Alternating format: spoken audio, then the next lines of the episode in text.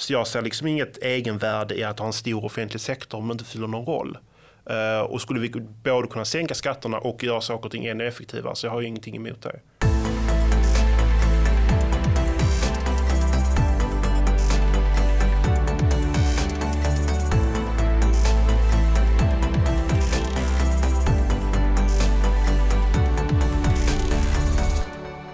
Mike Enoksson är socialdemokratisk statsvetare och författare. 2021 släppte han boken Kampen om Sverige från socialism till nyliberalism på förförlaget Premiss.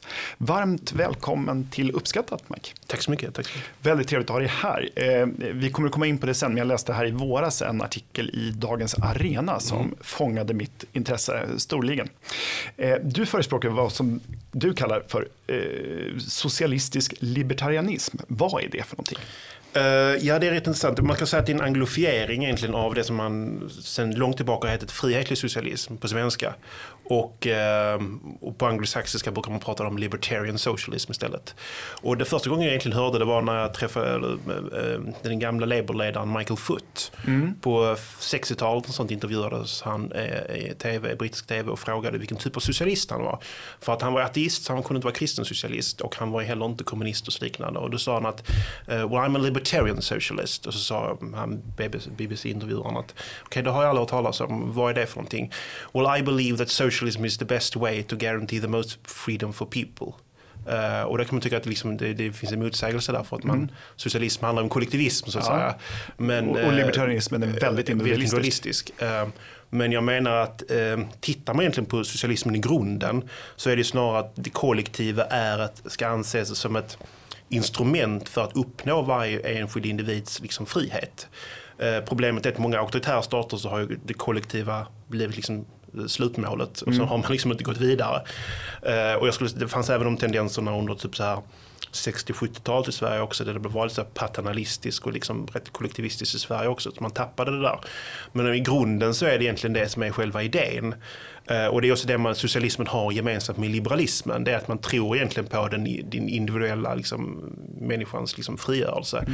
Och, Människan är i grunden god. Ja, precis. Eh, och att det som Hjalmar Branting också sa, att, skapa ett samhälle där alla människor människor kan nå sina bästa stämningars längtan. Mm. Uh, så det, det, finns en väldigt stark tro liksom, att varje människa ska kunna nå sin inneboende potential och sådana saker. Men man tror att för att kunna skapa ett sådant samhälle så måste vi göra det gemensamt. Vi kan inte liksom överlåta det enbart till marknadskrafter eller att den egna individen helt, liksom det här self-made man-konceptet som finns i USA. Utan för att kunna göra det så måste vi tillsammans nå dit. Och på vägen dit så har ibland också liksom socialistiska projekt förlorat sig på vägen så att säga. Så är det ju. Men, men, det, det är väl i och för sig inte unikt för socialismen just att nej, nej, men, exakt, det, det har ju hänt liksom, alla ismer nästan känns ja. det som. Men, men, ehm, men, det är också, men det är liksom det som man har gemensamt med ehm, socialismen har gemensamt med liberalismen. Mm. Jag säga. Mm. Mm. finns det libertarianska förebilder eller är det? Alltså det är ju egentligen de, de, alltså de, de alltså premarxistiska socialisterna mm. som bland annat Robert Owen, jag för mig han hette, som var en brittisk socialist. Den här Utopian Socialists. Och han åkte till USA och han var ju industriägare och hade mycket pengar. Och han försökte skapa ett socialistiskt samhälle där, där arbetarna som skulle leva tillsammans i form av kooperativ eh, liksom, verksamhet och sånt.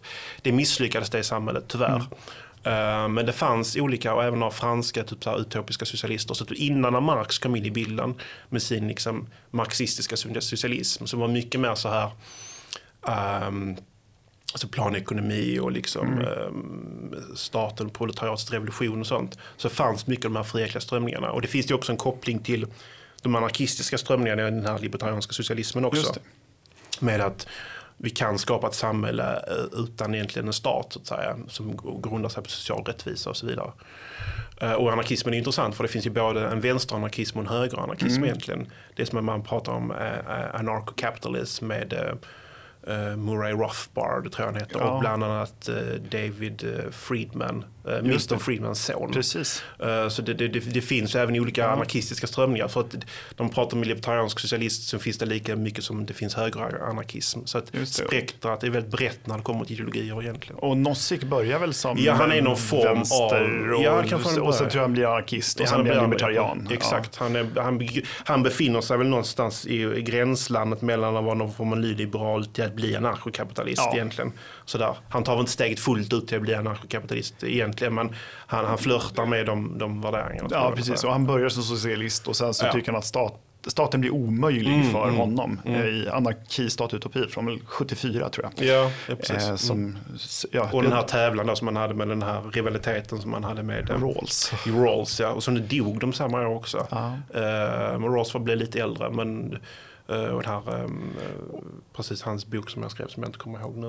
Eh, A Theory of Justice. Just det ja. Den, Eh, som, är, som väl är, eh, egentligen har tagit ännu större genomslag än, än eh, Nozick. Mm, absolut. Eh, Sen är det liksom socialliberalism och det han, alltså Rawls förespråkar inte någon form av socialliberalism som Ja. tycker jag rent filosofiskt är rätt trist. Så Ja. att, jag har läst Anarchy, State and Utopia av Nozick och den är ju rätt intressant. Alltså, den, den, tankeväckande. den, ligger på, den ligger på udden i Ja. filosofiskt tänkande där man ska liksom ersätta staten med någon form av sådana här försvarsorganisationer liksom, organisationer som du ska liksom binda ett kontrakt och sånt med. Det är rätt intressant. Liksom. Eh, när han pratar om hur man liksom häller ut tomatsås i havet så havet. kommer liksom det... Har du då förädlat havet Ja, tillräckligt precis. mycket för att göra Och gör det till din egendom och sådana saker. Det är Ja, rätt ja, intressant tänkande. Ja, det är väldigt. Jag, det här, jag läste det här, jag läste det nog innan statsvetenskapen, men, men det här fick Mm. Ja. man riva igenom. Och Rawls stora bidrag var väl den här behind the veil of Ja, ignorance. precis. alltså ja, att man ska. Okunskaphetens slöja. Liksom. Precis. Vilket den, den, är- det tankekonceptet håller ju rätt bra egentligen. det, om är man en ska, eleg- det är en det, elegant... det är svårt att komma runt det där Ja. på något sätt ändå. Så Nej. den håller, den håller rätt bra. Den väldigt, väldigt, Ja. eh, väldigt snygg. Eh, men- Men eh, du argumenterar också för att det enda som kan komma åt de socioekonomiska klyftorna i samhället är det du beskriver som en demokratisering Mm. av produktionsmedlen. Vad betyder det? Är inte det planekonomi? Eh, nej, är, jag är ju marknadssocialist. Så Mm. att jag, tror inte, jag tror inte på statssocialismen och jag tror heller inte på planekonomi. Utan jag tror att man kan skapa ett socialistiskt samhälle på, eh, på marknadsekonomi. Eh, och, och titta, alltså, nu var ju Jugoslavien egentligen en, en, en diktatur men det, det är väl det exemplet man egentligen lyckades längst med.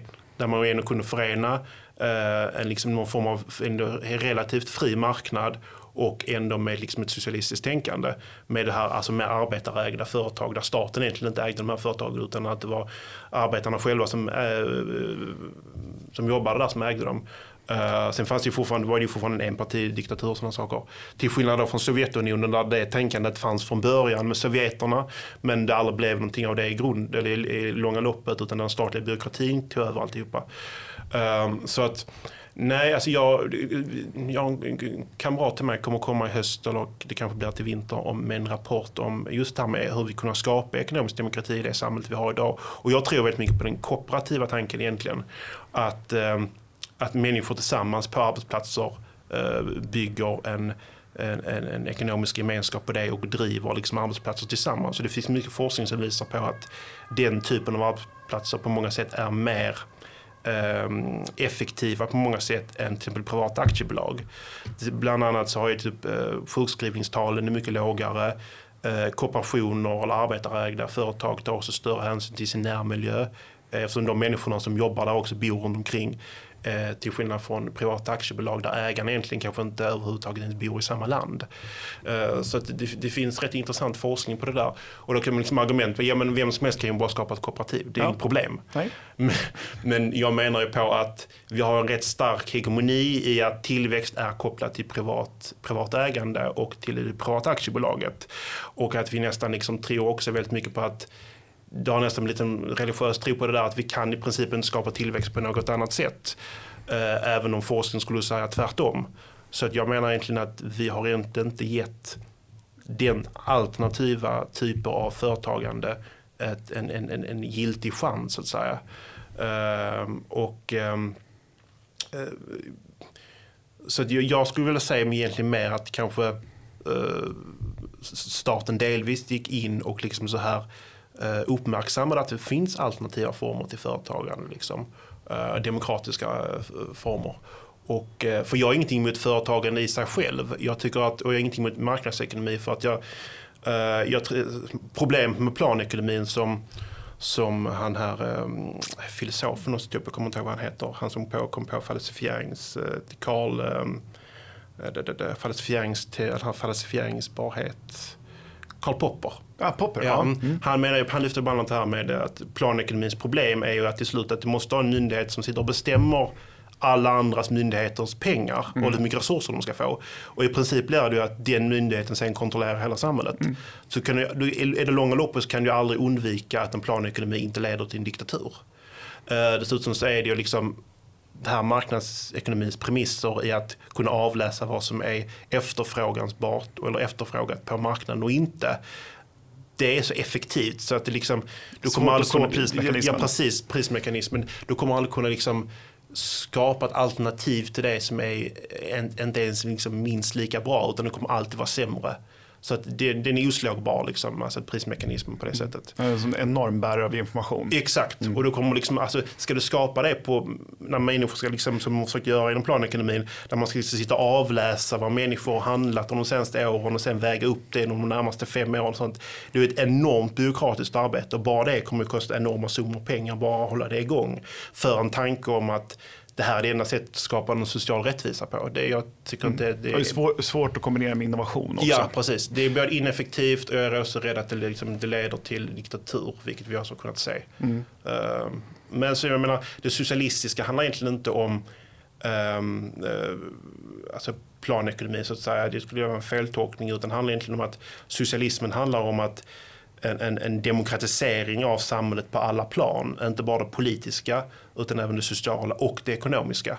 För tittar man på hur ett, ett aktiebolag är uppstyrt så är det ju inte demokratiskt eh, i den meningen eh, som, som resten av samhället är. Det vill säga att alla som verkar inom den här miljön har en röst. Mm. Skulle vi liksom, vi går ju inte med på att att, liksom, att 10, 1% av befolkningen skulle ha 90% av eh, rösterna i ett samhälle. Men när vi kommer till det ekonomiska fältet så har vi egentligen 1% av, 90, 1 av befolkningen 90% av eh, kapitalet i ett samhälle. Eh, I alla fall när man tittar, tittar på USA, jag tror det är ungefär liknande i Sverige. Och det har vi nästan accepterat att det är liksom, så är det ett faktum. Men mm. är inte det lika odemokratiskt som man skulle titta på, på röster? För att gå och rösta i ett val är också ett uttryck för makt, men att kapital är också ett makt. Liksom. Så varför ska vi inte demokratisera kapitalet om vi har demokratiserat valurnorna? Det... Mm. Och det sägs ju också att vackra människor får större inflytande Absolut. än fula och hur reglerar vi det? Nej, nej exakt, det, men jag tror, och det finns långa och korta personer så att säga. Jag tror, jag, men, men eh, jag tror inte att vi kommer kunna skapa något liksom så här, det totalt jämlika samhället. Och jag, där man pratar om det klasslösa samhället, det är också vad man definierar som klass. Men jag tror inte att det i någon mening kommer kunna uppnås i sin fullaste form. Um, men i de parametrarna där vi ändå kan ändra saker och ting så tycker jag vi ändå skulle kunna sträva efter det. Och jag är inte så intresserad egentligen av jämlikhet, jag är snarare egentligen intresserad av rättvisa. Och jag tycker att det finns en orättviseprincip i att om en arbetare, en arbetare inte får ta del en större del av det mervärdet den faktiskt producerar inom det, det arbete den faktiskt gör. Det tycker jag är orättvist. Eh, precis som man egentligen skulle kunna från högersidan prata om eh, en skattefråga egentligen, att man inte får ta del av sitt eget arbete för man måste betala det i skatt. Mm. Ja, och vi kommer dit. Vi kommer dit. Så det kan man ju bara vända på egentligen, det resonemanget. Skulle jag säga. Men då måste jag fråga, om, om det ja. mervärde man skapar, hur gör man i förlusttyngda företag? Ska arbetarna vara tvungna att bära förlusten då? Eh, när Rein Meidner, de kom ju bra kommit på en bra koncept där. Att de de ska man slå ut de där företagen för att ta de här, de här vinstdrivande företagen kommer liksom att suga upp dem. Eh, eh, det funkade under 50-60-talet men jag vet inte om det kommer att funka, funka idag. Eh, så att det där, vi kanske behöver på den Ride Miner-modellen 2.0 kanske. Mm. Någonting sånt där. Ja, jag ser fram emot det här. Det här ja, absolut. Det här, nu är jag ju inte ekonom så jag kanske, det är inte jag som är rätt person till att komma fram till den modellen. Men, ja. men du är ju, vi var inne på skattefrågan och du, eh, de, du kritiserar ju de som säger att eh, skattesänkningar hotar välfärdsstatens existens. Ja. Eh, men förklara varför du tycker att skattesänkningar inte utgör ett hot mot välfärdsstaten. men det är beroende av vad vi, vad vi menar med välfärdsstaten. Jag tänker att välfärdsstaten har blivit någon form av monolit. Eh, och nästan något religiöst i ett svenskt sammanhang och ett nordiskt sammanhang. Där det blir liksom, jag är väldigt kritisk till att vänsterrörelsen har gjort välfärdsstaten till någon form av slutstation. För det är inte det som liksom är slutstationen för ett, för ett socialistiskt projekt. Men det har blivit det på något sätt. Och sen har ju högersidan hängt med på det där på något sätt också, det där tåget att för att vad man kan säga, det ideologiska slaget i Sverige förlorade vänstern när det handlar om att gå vidare till den ekonomiska demokratin, det här med löntagarfonderna. Men högern förlorade det i frågan om välfärdsstatens existens. Man var tvungen att acceptera den. Så, att säga. så där i möttes man liksom till slut genom form av överenskommelse. Vi kommer inte driva ekonomisk demokrati men ni måste acceptera välfärdsstaten i princip. Som en konservativ idé, så att liberaler mm. och socialister blev lurade om konservativa. Ja men precis, och det är många som hävdar då att välfärdsstaten är ett socialistiskt koncept. Jo men det var ju Bismarck socialist ja. och det var han ju inte. Nej. Han var liksom stockkonservativ. Ja. Så att välfärdsstaten i sig är ju inte någonting som är liksom socialistiskt. En socialliberal vill ha en välfärdsstat, en socialkonservativ vill ha en välfärdsstat, en socialdemokrat vill ha en välfärdsstat. Så den finns liksom i alla ideologiska linjer. Uh, sen handlar det om hur stor den här välfärdsstaten ska vara och den offentliga sektorn. Eh, och jag menar på att jag har inget problem att vi skulle gå in och titta på allt det som utgör den offentliga sektorn idag. Eh, behöver vi verkligen det? Skulle vi kunna slimma ner den offentliga sektorn? Skulle vi kunna göra den effektivare? Behöver vi ta 21 regioner eller vad är det till exempel? Är det, är det nödvändigt? Eh, skulle vi kunna effektivisera det i en statlig form kanske som skulle kunna kosta ännu mindre pengar än vad den gör idag men vara ännu mer effektivare. Eh, sådana saker till exempel. Ehm, så jag ser liksom inget egenvärde i att ha en stor offentlig sektor om det inte fyller någon roll. Eh, och skulle vi både kunna sänka skatterna och göra saker och ting ännu effektivare så jag har ju ingenting emot det. Men, du, du, låter ju du, ungefär som jag ska jag säga. Ja, okay. jag för, det. för jag är också, just effektivitet är ju, mm. och det förvånar mig och det är inte Eh, bara vänstern mm. när man debatterar med dem som, som är motståndare till att sänka skatter. Det finns en skepsis överlag mm. att det är mm. nästan omöjligt. Men det är svårt att diskutera effektiviseringar. Alltså till mm. exempel mm. vad vi har nyligen släppt en rapport om hur man med ökad digitalisering skulle kunna få en effektivare offentlig sektor. Och ja. Delvis i vården som pratat mycket om men även i bygglovhandläggning där man mm. inte skulle, det skulle gå snabbare för medborgarna. Mm. Trelleborg gjorde någon där man eh, helt automatiserade socialbidragsutbetalningar pengar. Mm. Eh, därför att ja, jag tror att det är 90 procent eller mer än det mm. som egentligen bara uppfyller man några kriterier så ska ja, de bara betalas ut. Det är liksom inte krångligt. Vi nyttjar ju inte digitaliseringen i det här landet alls. Jag jobbar själv med statlig myndighet och Polismyndigheten är ju den sista myndigheten i Sverige som upptäckt internet. Yep. Alltså i höst, förra hösten så var det, då kunde man begära ut belastningsregister digitalt. Ja. alltså, internet kom någon gång i mitt på 90-talet ungefär. Ja. Och det kunde man komma, förra hösten uppstod det på Polismyndigheten att du kunde begära ut det. Alltså det är helt, det är liksom, det är helt bisarrt. Alltså det är jättemycket där liksom, när jag var vapenanläggare, eh, du skulle kunna ha mina sidor och gå in och se vilka licenser du har och var din ansökan ligger istället för att du behöver ringa in och liksom ta upp handläggartid för att sitta och hålla på med det där. Det finns jättemycket effektiviseringar du skulle göra där genom att bara utnyttja den teknologin vi har. Och då skulle du kunna flytta över de resurserna som frigörs där till liksom, till exempel typ så här, sänka skatten för låginkomsttagare istället. Mm. Alltså sådana saker. Ja, eh, och, och, som jag brukar vara generös nog att erbjuda att eller göra något viktigt, lägga mer pengar på canceroperationer ja, eller någonting sånt. Om man där det finns ett hål liksom ja. att fylla. Så men, men, för du har ju, argumenterar ju väldigt, vilket är ganska unikt i alla fall mm. inom socialdemokratin, argumenterar för sänkta skatter eh, och inte minst för låginkomsttagare om jag förstår det rätt. Ja, jag kanske inte tänker, jag kanske argumenterar inte så kanske för mycket för höginkomsttagare. men, men jag tycker att exempel att fram till liksom alliansens jobbskatteavdrag som de införde så hade vi ju en, låg, alltså hade vi en inkomstskatt även för låginkomsttagare som låg liksom på 30 procent. Och jag tycker det är helt absurt högt. Alltså jag förstår inte varför en undersköterska hemtjänsten kommunal hemtjänst skulle betala 30 procent i liksom inkomstskatt. Nej. Och sen utöver det också, en, egentligen ännu mer eftersom vi har fortfarande har löneavgiften på det också. Och sen är liksom eh, moms och sånt också. Men moms har man ju i alla länder. Så, det, men, men, så att skatten, det, löneavgiften är ju intressant för att det är ju inget, typ, nästan ingen som känner till Nej. att den existerar också. Så att man betalar och, egentligen ännu mer skatt än vad man gör. Ja, vi, jag, vi har varit inne på det tidigare i podden men man kan väl säga då att de, ovanpå alla löner alldeles oavsett ja. vad man tjänar så betalar man 32 procent i runda slängar i mm. arbetsgivaravgifter. Och mm. eh, av dem är en tredjedel den allmänna löneavgiften som inte alls är kopplad till mm, sjukförsäkring eller föräldraförsäkring. Och som infördes för att täcka EU-medlemskapskostnader. Så sen har blivit en del av ett allmänt budgetunder, ja. liksom, budgetunderlag. Liksom, man ska säga. Och, och, den infördes på en väldigt låg nivå, jag tror att det var ja. runt 2 procent. Ah, okay. Och sen har den där stigit väx, kontinuerligt. Väx. Och det finns ju ingen politisk debatt om det nästan överhuvudtaget. Inte alls. Inte alls.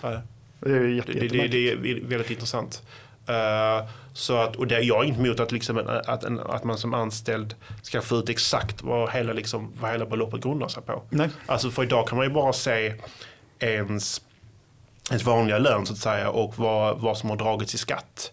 Man får inte se arbetsgivaravgiften och löneavgift, eller ingenting sånt där Nej. överhuvudtaget. Vilket också, det, är, det, det är därför vi inte har någon politisk debatt eftersom folk inte känner till det. Nej. Så det, Nej, det här är en av våra, våra stora käpphästar. Mm. För det skulle, just den ökade transparensen mm. är någonting som vi efterfrågar. Och, så mm. att man får se hur mycket man faktiskt betalar in. För det är ju mm. då först då man kan ha en vettig skattedebatt. Mm. Ja. Och det gör ju svenska låg och medelinkomsttagare till väldigt högt beskattade personer. Ja, och sen glömmer man bort momsen eftersom den inte ja, den redovisas längst ner på ett vanligt kvitto. Men, ja, men när du går in i butik så står det ju inte att en stor del av varan, beroende på lite vad du köper, mm. är, är skatt. Exakt. Och vissa varor, typ en fjärdedel liksom i princip som man egentligen bör betala skatt på. Men varför är den här debatten så frånvarande i Sverige? För det är kanske framförallt i vänstern, men jag menar, det är ju inte ens så att det är väl inte några partier i Sverige som driver en, en hård linje om äh, ja, men Vi hade ju skatteuppror i andra länder som Danmark och Norge. Liksom, mm. med, med, med, de fick ju sina framstegspartier, mm. framskrittspartierna, mm. som blev så här skattemissnöje. Mm, särskilt i Norge. Ja, precis. Och som var liksom så här den här den tidens högerpopulism. Sen har mm. högerpopulism kommit för en annan betoning och innefattar allt av nynazister och allting. Men på den tiden så var högerpopulism egentligen mycket ett, ett motstånd till en stor offentlig sektor och ett skattemissnöje och sådana saker. Öl på ICA, ja, fri fart på vägarna och sänkta skatter. Exakt. Uh, och min, min, en kollega och nära vän till mig, eller, uh, så att Stigbjörn Ljunggren, han sa det här att, också statsvetare då, han sa det här att um, anledningen att vi inte har haft en skattedebatt i Sverige, än mindre liksom ett skatteuppror, um, är ju på grund av att, att um, vi fick den här löntagarfondsfrågan istället. Mm. Som kom in, alltså den lanserades redan 1971 av Metalls eh, förbund. Antogs sedan av LO. Överskuggade nästan hela andra halvan av eh, 70-talet och hela 80-talet i princip. Och det där är egentligen högerns skuld i det egentligen för att de sprang efter den där röda skynket och var helt fixerade på just löntagarfonder som det stora hotet. Vilket innebär att de drev inte frågan om skattedebatt. Mm. Så att när löntagarfondshotet väl hade lagt sig och sen kom 90-talskrisen och det var liksom rätt svårt att helt plötsligt typ så här, nu ska vi sänka massa skatter. Mm. Uh, för att nu har vi liksom, vi har väldigt stor ekonomisk oro. Uh, så att liksom anledningen till att vi inte har haft det är ju egentligen för att högern inte egentligen har drivit de frågorna. Alltså i, i någon större utsträckning. Men vi känner oss ganska ofta ensamma här. ja, jag förstår. Jag förstår. Ja. Ja. Men, men eh, om debatten är då ganska ensidig, vi har vant oss mm. vid ett ganska högt skattetryck. Mm. Eh, hur tas dina tankar emot i, liksom i socialdemokratin som ju ändå är, som ofta varnar om för liksom skattesänkningar och vad det kan innebära? Eh, jag, jag inte så att jag sitter, sitter och pratar på möten om att vi ska sänka skatterna och det är väl inte så att det är min, min absoluta kärnfrågor heller men, men jag är ju rätt, alltså, jag är ju libertariansk socialist och i det, eller frihetlig socialist om man kallar det för det. Och i det där så brukar jag, mm, jag är liksom en enmannafalang inom det socialdemokratiska partiet brukar jag säga mig själv som. Och jag har en väldigt libertariansk syn kring när det gäller med olika, olika saker. Men jag är så medveten om att partiet inte har det. Och liksom ibland måste man välja sin kulle och dö på. Liksom. Mm. Och jag, alltså, just driver vissa frågor, de frågorna är liksom inte... Jag är mer egentligen inställd till liberalisering av liksom, narkotikalagstiftningen och, och sådana saker. Och, och även sexköpslagen och sånt också. För att jag tycker att jag har svårt att se varför staten ska gå in och bestämma hur andra människor vill leva sina liv. Uh, men det finns fortfarande ett väldigt starkt paternalistiskt drag inom socialdemokratin och den europeiska socialdemokratin. Och jag, det här stammar på något sätt egentligen tror jag fortfarande för något form av leninistiskt arv. Alltså när liksom Lenin som lyckades skapa den första socialistiska staten i världen någonsin uh, satte nog egentligen någon form av omedveten trend egentligen bland den internationella socialdemokratiska rörelsen uh, som egentligen tog avstånd från Sovjetunionen. Mm. Men uh, men som ändå liksom... Präglade. Precis, man ja. var ändå tvungen att förhålla sig till det där på något sätt. Men social ingenjörskonst och sånt som var ett väldigt starkt Eh, Eh, en del av en stark svensk socialdemokrati och som jag ser rätt kritisk till. Um, individualiserad föräldraförsäkring är ett exempel inte heller för. Um, men, men det satte tonen lite och det är samma när Sovjetunionen kollapsade. Så att det påverkade också det, liksom, den europeiska socialdemokratin. trots att man egentligen var motståndare till Sovjetunionen, för att det blev ett bevis för att socialism inte fungerar. Precis som när Sovjetunionen uppstod så blev man påverkad av det och även när Sovjetunionen kollapsade. Så det, liksom, finns en sån dysfunktionell relation i det där på något sätt mm. som är mm. rätt intressant. Och då blev den nya idén välfärdsstaten istället? Alltså ja, den precis, som blev exakt. helig istället exakt. för... Sen skulle jag vilja säga att socialdemokratin egentligen aldrig har varit ett socialistiskt parti utan det har funnits en socialistisk falang i Socialdemokraterna. Vilket också gjorde att det här med löntagarfonderna egentligen inte riktigt anammades fullt ut av det socialdemokratiska partiet i, i, som, som grundkoncept. För att löntagarfonderna för första början handlade ju faktiskt om att fackföreningarna skulle ta över egentligen svensk näringsliv. Mm. Men slutproduktet, om man läser det här slutproduktet av vad löntagarfonderna var, så handlade det dessutom om att det skulle sättas ett tak på 10 procent av hur mycket man kunde ta ut av företagen. Och sen skulle det placeras i någon form av statlig fond som känns som någon form av pensionsfond egentligen som ja. skulle fördelas ut till arbetarna. Så det, det, där, det var ju egentligen ingen större socialiseringsprojekt av svenskt näringsliv. Men högern var ju väldigt framgångsrik att lyfta upp det här mm. att införs det här så kommer vi inte ha någon kapitalism i Sverige längre och försvinner kapitalismen och försvinner demokratin. För de två hör ihop eh, då. Ansåg, det ansåg inte jag, men de ansåg det. Mm. Uh, och, och uh, så det där, det där Olof Palme var jag själv inte speciellt förtjust. Liksom, i Nej, och Kjell-Olof Feldt. Nej, men precis. Vi har baxat dem, baxat dem ända hit liksom. Så ja. jävla skit eller vad man ska. Ja, det uh, så det där, är, det där är rätt intressant. Och Olof Palme var ju till och med beredd att liksom gå upp och säga att att liksom internt säga att jag står inte bakom detta. Mm. Men han visste att det fanns ju risk att LO hade brutit ur.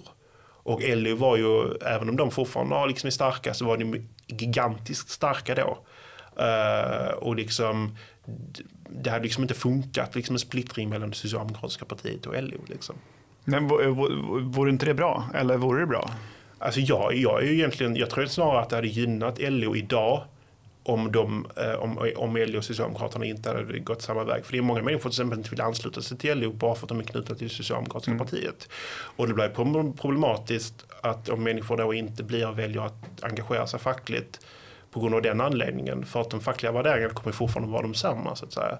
Även om man är ansluten till Socialdemokraterna eller inte.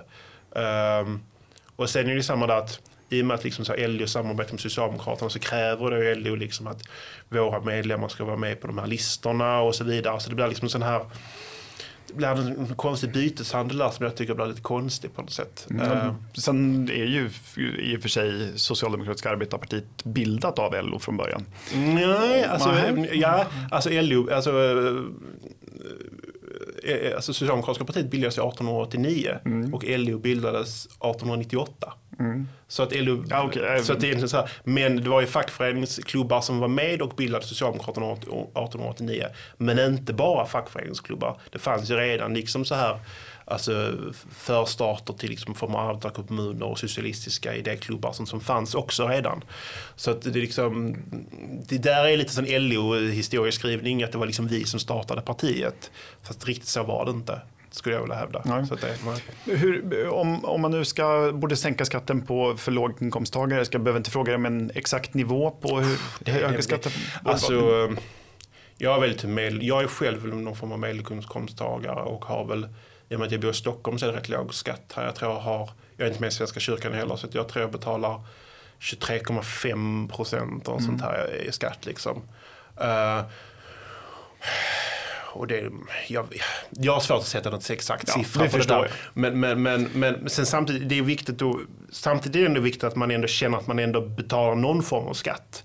För att annars blir det så här att det finns ju någon form av liksom sån här, det finns ju en heder i det där att jag är faktiskt med och bidrar till det här mm. samhället. Sen när jag väl blir sjuk och får ta del av välfärden så har jag själv bidragit till det också. Så jag är liksom inte bara någon som sitter och lever på andra människor, att de har bidragit till det mig när jag blir sjuk. Så därför tror jag inte, alltså gå ner på liksom jätteminimala summor tror jag inte skulle heller vara bra för den egna typ så här, självuppfattningen och själv, självkänslan hos människor. Ja, men, och det jag pratat med många socialdemokrater ja. säger ju just det här med solidariteten mm, är viktigt. Exakt. Och solidaritet handlar inte om att kunna leva på andras Nej. bekostnad utan det handlar om att först chippar man in. Precis. Och då har man också rätt att göra uttag när man behöver behöver. Exakt. Och sen kan man naturligtvis tänka sig att det finns särfall som Precis. om man föds handikappad. Ja, eller exakt, exakt. Liksom så. Men, och men, solidaritetstanken är väldigt intressant för att det, det är där jag menar att liberalismen tappar lite för att liberalismen pratar väldigt mycket om den här frihetstanken. Men de tappar solidaritetstanken. Och jag menar, det är där socialdemokratin eller socialismen måste ge, typ så, både ha med frihetstanken och solidaritetstanken. För att om vi ska ha ett samhälle så måste vi också ha någon form av gemenskap i ett samhälle. Vilket gör att socialismen också har vissa gemens, gemensamma trådar med liksom konservatismen. Mm. För om konservatismen inte tror på, liksom, på rättvisa och frihet utan de tror på liksom, det ska vara ett hierarkiskt samhälle med liksom, och så vidare. Men de har ändå föreställningar om om vi skulle kunna ha ett samhälle som fungerar så måste vi ändå ha någon form av gemenskap. Deras gemenskap grundar sig oftast i kultur eller i liksom, etnicitet och sådana saker.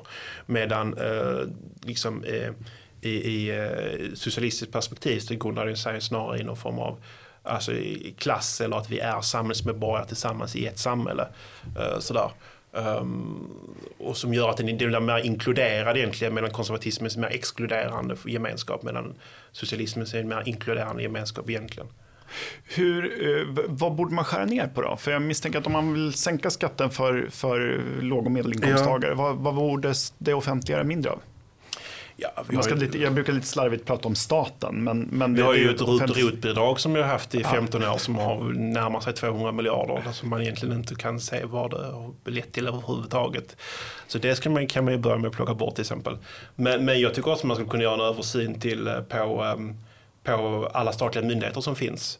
Um, skulle man kunna slå ihop, liksom, när vi tittar på länsstyrelserna, skulle de kunna ta över vissa funktioner därför som regionerna har så kan vi avveckla regionerna till exempel spara in mm. rätt mycket pengar på det där. Uh, vi har enormt mycket myndigheter i Sverige, skulle man kunna slå ihop vissa myndigheter egentligen och deras verksamhet. Um, och um, ja, det är inte så att jag har arbetat fram en lista på detta. Nej, jag förstår. Det, det har men, men, men, men, men, men, jag tycker att man skulle kunna göra en, det är samma med utlandsbidraget. En inventering av utlandsbidraget egentligen och titta på vad vet vi vad de här pengarna går till. Du, du tänker på bistånd? Ja, precis. Eller, precis mm. biståndsfrågan. Uh, och liksom så här för länge har jag upplevt egentligen att vissa pengar egentligen har mer eller mindre gått in på olika diktators bankkonto. Alltså man tittar liksom, jag vet när Göran Persson var där och gjorde statsbesök i Israel och Palestina. Så, och när han kom till, liksom, till PLOs högkvarter i Ramallah och liksom, allting var i princip sönderbombat men Yasser Arafat åkte ändå runt i liksom så här Mercedesbilar. Liksom de hade ju inte han själv bekostat. Liksom. Alltså, sådär. Alltså, och olika andra diktaturer som Mugabe och sånt här i Zimbabwe och sånt här. Alltså, rätt länge har jag, jag, utan att ha egentligen jättemycket på fötterna, men den känslan jag har att det har funnits lite så här slentrianmässig syn på just det där. Liksom att man har skickat pengar dit och sen har man liksom inte riktigt följt upp vad som har hänt med det. Jag har inget emot utlandsbistånd i sig själv. Eh, men, men det måste finnas en bättre uppföljning kring det en bättre inventering egentligen. Och de pengarna där man inte känner att det går rätt, de pengarna ska heller inte dit. Liksom. Eh, sen kanske inte är det stora stället man kan spara in pengar på, men det är ett exempel till mm, exempel mm. som jag tycker är relevant att diskutera, som jag tycker diskuteras inom vänsterrörelsen. Det är alltså liksom en helig ko som man inte får prata om. Nej, för det, det, måste ju vara så att om särskilt den som mm. förespråkar en, en stor offentlig sektor eh, borde vara extra noggrann med vart pengarna går. Mm. Eh, jag märkte, eh, blivit förvånad, vi fick kritik för att vi kritiserade kriminalitet i välfärden. Alltså mm. när, eh, inte bara slarv alltså, Nej. utan när det är felaktiga utbetalningar utan när folk medvetet Exakt. tankar systemen. Ja, och där har man ju uppenbara problem med det här LSS-systemet som är ju till för ja, de exakt. allra svagaste. Det jättemycket liksom, tyvärr. Ja, och det hotar ju hela systemet och just ja, de svagaste exakt. föreställer jag mig. Men då, där fick vi från handikapporganisationen kritik för att vi lyfte det och det förvånade mig mm. storligen för de tycker jag borde vara de första tillskyndarna av räfst och rättarting. Det är att de, de är kanske rädda för att agendan, den bakomliggande agendan ja. skulle vara att ni vill peka på det och därför ska det inte gå pengar till det. Just det, alltså, det är lite där. Men det, är liksom, det, det är eh, Lenins Vem talar? Ja, men, exakt. Så det, är liksom, det kan ju finnas den där reaktionen tror jag också kring ja. det där. Eh, så. Mm. Men, men det är inte så att uh, vi ska minska på statens utgifter för att få en nattväktarstat. Det är inte nej, så libertariansk. Alltså, alltså, jag anser fortfarande att, liksom, att det absolut ska krävas en stat så att säga. Uh, sen tycker jag inte att staten ska behöva vara större än vad, än vad som är nödvändigt. Men det är klart att vi, är ju, vi ska ju fortfarande ha liksom jag är, jag är inte emot en välfärdsstat på det sättet. Jag menar tittar vi på Milton Friedman och, och Hayek och mm. sånt så var det med även för att det skulle finnas någon form av socialt skyddsnät. Och det, jag är inte emot att det ska det finnas det. Uh, jag är bara emot att liksom den här byråkratin växer sig så stor att det nästan typ så, deras syfte blir nästan typ så att hålla sig själv vid liv. Det som man ibland pratar om, det transferiatet så att mm. säga. Som handlar egentligen om att att liksom så att det sitter olika personer som har roller som kommunikatörer och administratörer och som egentligen bara sitter och typ förvaltar sin egen överlevnad egentligen. Uh, och, och liksom när man har, har, Symbolarbetande människor. Som... Ja men princip. Och har man liksom ett, ett skikt på välfärdsstaten som är byråkratisk som man känner att fast kan man inte bara skrapa av det här och egentligen ha samma eh, funktion fortfarande kvar. Att liksom så att det är liksom att efter det är liksom ett träd som årsringar som växer ut. Man känner bara, för att de här yttre årsringarna, vad är, vad är de här till för liksom? Det, och, det, och vi har blundat för mycket inför det inom vänsterrörelsen också. Ja. Kanske delvis för att vissa av de som jobbar inom det kanske också röstar på, på, vänster, på, på, på vänsterpartierna. Uh, det vet man inte, det, det har jag inget underlag för men, det, men det, det, kan ju vara så. Nej, för jag upplever när vi har tittat på, jag har själv jobbat inom kommunikation i många mm, år, men, mm. men där ser man ju eh, hur i myndigheter och kommuner så kommers låtsas kommersialisera, alltså som man jobbar med varumärkesarbete mm, mm. och eh, anställer alltså mängden kommunikatörer ja, som anställer. Kommunslogans och sånt. Liksom, ja. så jätte, alltså, som jag, alltså, så ska vi se, oh, vi ska komma på, alltså, oftast är det ju värdelöst det, det de kommer på. Ja, och så ägnar man, använder man skattebetalarnas pengar för att eh, locka locka, göra ja. lockande projekt ja, och precis. stärka bilden av kommun Exakt. X, Y eller Z. Mm, och, sådär. Mm, mm. och det ligger egentligen inte alls i något slags kommunalt uppdrag Nej. och man lyckas ganska sällan. Alltså det finns ganska många satsningar mm. där man uh, satsar på turistmål till ja, exempel som går åt skogen och kostar de egna medborgarna väldigt mycket pengar. Uh, och när det gäller kommunikatörer som är ett så favoritområde så förstår jag att man behöver kommunikatörer med, apropå mm. internet, så det, det, behövs ju bra Exakt. service där. Och Precis. då kan ju en person som jobbar med internet ersätta en, en annan handläggare kanske. Mm, så att det, att det, finns fler kommunikatörer är inte så konstigt. Men de har ju exploderat och ägnar sig ju väldigt mycket åt mm. Ja, marknadsföring av kommuner mm. och sånt där. Så ja. jag, jag undrar hur effektivt och efterfrågat det verkligen är. Ja, det är rätt intressant för jag var ju höll på i kommunpolitiken i Ystad kommun och det tyckte jag var rätt intressant när man pratade så här och då när vi även hade makten 2014-2018 så handlade det om att och vi måste växa i invånarantal för då kommer vi kunna få mer skatteintäkter för att för varje ny invånare så kommer vi få så här mycket mer bidrag av staten för mm. invånare. Och, och så känner jag typ så här, jo men de människorna som flyttar hit, det är inte så att de kommer från liksom Alltså, de kommer från andra kommuner. Det är ett nollsummespel. Ja, och de innebär att de kommunerna blir fattigare för att vi ska bli rikare. Och det känner jag typ så här, hur solidariskt är det? Ja.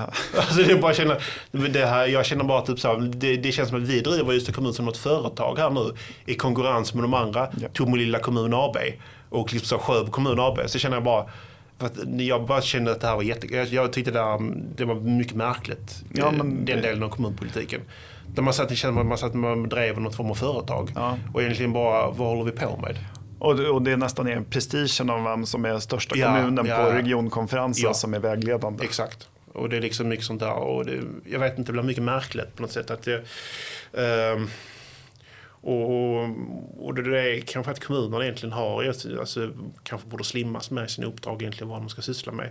Jag är ju, jag, det kan vara så att både äldreomsorg och, eh, och skola och så vidare borde, borde egentligen förstatligas det kunde man titta nu under coronan egentligen som där Norge och Danmark har en helt annan typ av förstatligad mm. äldrevårdsomsorg. Där vår äldreomsorg blev mycket mer utslagen egentligen av pandemin på grund av att den är så decentraliserad.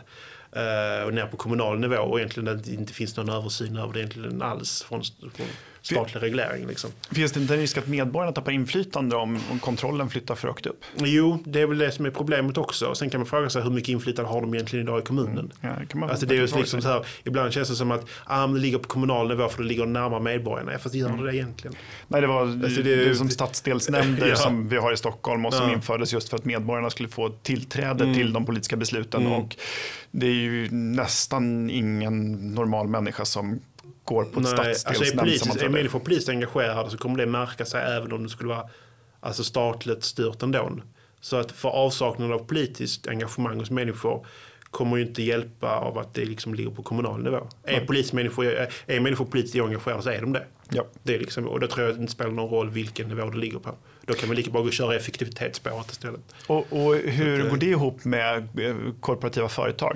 Bygger inte det på ett engagemang som alla delar i? i jo, absolut. Som... Uh, och, och, och, där är det intressant egentligen att hur, alltså, nu tänker jag mer egentligen förstatligande av kommun och, och skolan och vad som så är, som jag skulle anse som effektivt just här och nu. Sen skulle man säkert kunna tänka i ett längre lopp om man går in på någon form av sån här kommunal självförvaltningsidé så att säga. Att kommunerna att liksom medborgarna inom kommunen driver kommunen tillsammans och sådana saker. Um, det är lite mer abstrakta tankegångar som, som jag kanske inte har tänkt igenom helt hur det skulle kunna se ut. Men, men, men det, ligger, det ligger så pass långt framåt mm. så att säga. Så vi är mm. liksom inte där igen. Just nu behöver vi nog tänka på hur ska vi rädda svensk skola? Och hur ska vi rädda liksom, äldre, äldreomsorgen inför nästa pandemi? Uh, och då kan vi liksom kanske inte tänka på hur ska vi skapa den, liksom den utopiska socialismen inom kommunen utan då måste vi nog bara vara rent effektivitetstänkande. Det blir ett senare steg. Ja precis, exakt det är nästa stadie. Jag tycker att det här är rasande spännande och ja. roligt. Vi, ska, vi, vi, börjar lida mot programmets slut mm, men jag tänkte mm. säga, nu är Socialdemokraterna i opposition ja. eh, och det öppnar väl möjligheter för... Ja, det liksom, vet vi inte egentligen. Vi får ja, se vad det blir av regeringsbildningen. kan skita sig igen. Det, ja, det, ja, det kan. Och det Björn Magda är fortfarande statsminister. Så, så är det sant. när, när detta spelas in ska vi säga i alla fall. Så exakt. får vi se vad som händer och det hänger på mm. tre mandat så det krävs ju inte så många nej, nej, vildar och, och nej, det är avhoppare. Är några liberaler där som behöver bli renegater bara sen ja, kan allting helt ändras. Sen kan allting ändras. Mm. Men om man då hamnar i opposition mm. så lämnar det ju tid för lite, eller i teorin så brukar alla partier prata om att mm. man i opposition ska ägna sig åt eh, idé och ja. politikutveckling.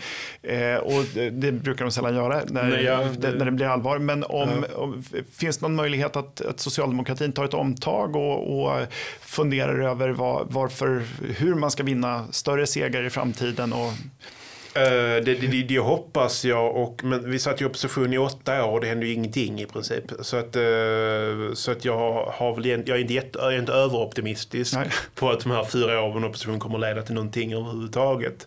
Men, men, uh, men det är klart att jag har en förhoppning av att egentligen att att socialdemokratin kommer att lyfta mer just typ så frågor kring eh, social orättvisa och så vidare. Nu har jag inga tankar om att de kommer just ta någon form av libertariansk approach Nej. inför val 2026 och driva mina idéer. så att det ligger nog avlägset i någon framtid om det överhuvudtaget kommer att uppstå. Men, men jag tror att eh, vill man vinna nästa val så tror jag man måste driva mer, mycket mer av socioekonomiska frågor. Eftersom de rent sociokulturella frågorna uh, har, liksom, dominerar högern på den spelhalvan. Och då måste man liksom pratar mycket mer om liksom så här levnadsvillkor och klarar människor av och, liksom, och, och sin el och sin bensin och, liksom, och sådana saker. Hur skulle vi kunna ändra det? Och kanske vi ska ta bort typ så här skatten på, på energi till, eller, till exempel. Och, Lysande idé tycker jag. Mm. Ja, precis. Så att det, och, och sådana saker som, som, som alltså, där, där man ändå måste kunna säga att kanske vissa skattelättnader är till gagn för låg och medelinkomsttagare. Eh, men också typ så prata om att vi kanske måste återinföra vissa skatter också kunna, för att liksom kunna skapa den här solidaritetsbalansen i samhället. För vi har ju avskaffat väldigt mycket skatter för höginkomsttagare i, i det här landet också. Um, så att um, det är förmögenhetsskatt och arvsskatt och gåvoskatt som nyttjades liksom kanske mer av höger, höger, höginkomsttagare. Um, ehm, fastighetsskatten som jag egentligen är emot Uh, faktiskt om jag ska vara ärlig. Det gläder mig. Men, jag, men, men, som sagt, men bor man kanske i en 20 miljoners villa i Djursholm så kanske man har råd att betala fastighetsskatt. Men jag ser ingen anledning varför en, liksom en vanlig arbetarfamilj som bor i en villa som är värd 2-3 miljoner ska betala skatt på den som de har köpt av egna pengar och dessutom kanske renoverat upp till ett värdenivå som, så att de gör så att de får 2-3 miljoner och dessutom kanske höjer värdet på hela området där de bor. För att de sen ska betala skatt på det, det, det förstår jag inte överhuvudtaget. Jag är helt motståndare till. Men, att, man, att man binder kapital i väldigt liksom dyra fastigheter Uh, det skulle jag kunna tänka mig att beskattas för då handlar det om någonting annat egentligen. Det handlar egentligen om att du bygger kapital. Uh, men, men, att en vanlig, liksom, vanlig liksom, familj som bor i, liksom, i, i ett hus eh, skulle betala skatt på det, det, det förstår jag inte alls faktiskt. Nej. Ja, vi får se. Jag hoppas att du får ge inspel till ett, ett framtida idéarbete. Framförallt eftersom det vore roligare. Det vore mycket svårare mm. att argumentera mot, mot en libertariansk socialdemokrat. Ja. Än, än, än, det är därför jag inte är i min debatt. Det, Nej, okay, jag förstår, det, jag förstår, jag förstår. det är svårt. Nej, jag skulle förstöra poddformat också. Men det vore mycket svårare för mig. Mm. Men mycket roligare skulle jag tycka också. Mm. Eh, Mike, stort tack för att du kom hit. Tack Uppskattas mycket. oerhört mycket. Och eh, din eh, bok som vi nämnde här i början, den mm. finns att köpa där böcker finns. Och du arbetar på en ny bok. Yes, det stämmer. Ja, när kommer den? Oj, det vet jag inte. Jag har inte ens fått ett förlag. Så att, eh, men eh, skulle jag kunna få skriva heltid så hade den kommit nästa, bli klar nästa höst. Uh, så att, men som sagt, vi får säga jag har sökt lite stipendium och sånt från. Mm. Vad, ska den, vad handlar den om? Den handlar om fascismen och nazismens olika tolkningar av fascismen och nazismen och dess olika rötter, ideologiska rötter från art, början på 1800-talet och fram till början på 1900-talet. För att se, för att, för att se vad, är, vad är skillnaden mellan fascismen och nazism och de eventuella likheterna och om var fascism och nazism verkligen vänster eller högerextrema ideologier eller var de någonting annat. Ehm, och också säga att fascism och nazism egentligen har ett lika stort intellektuellt och politiskt teoretiskt arv som andra politiska ideologier har. Det handlar liksom inte bara om det var ett, ett gäng liksom våldsdyrkande galningar som bildade ett, liksom, politiska rörelser utan det fanns mycket mer, mycket mer djup i detta egentligen. Det ser jag mycket fram emot att läsa om också. Ska jag säga. Yeah. Eh, och för er andra, som sagt, beställ den bok eh, som finns eh, och den heter Eh, Kampen om Sverige från socialism till nyliberalism och är utgiven på Premissförlag. Och eh, för den som är eh, lite latare än så och inte orkar läsa hela så rekommenderar jag varmt det som fick upp mina ögon för dig, det vill säga din text i Dagens Arena mm. om skatter. Yes. Stort tack för att du kom hit, ja. väldigt trevligt. Tack så mycket. Och stort tack för att du ville vara med. Och stort tack för att du har lyssnat, du som lyssnar. Uppskattat är en podcast från Skattebetalarnas förening. Vi arbetar för låga och rättvisa skatter, rättssäkerhet för skattskyldiga och minskat slöseri med skattepengar. Vi bildar opinion och folkbildar i skattefrågan och vi lever som vi lär och tar bara emot frivilliga bidrag. Uppskattar du podden och vill medverka till att Sverige blir ett land med minskat slöseri och rimligare skatter så stödjer du oss enklast genom att bli medlem. Läs mer och bli medlem på www.skattebetalarna.se bli medlem. Tipsa också gärna andra om uppskattat och betygsätt oss gärna och högt i din poddlyssningstjänst. Till nästa vecka, ha det så bra.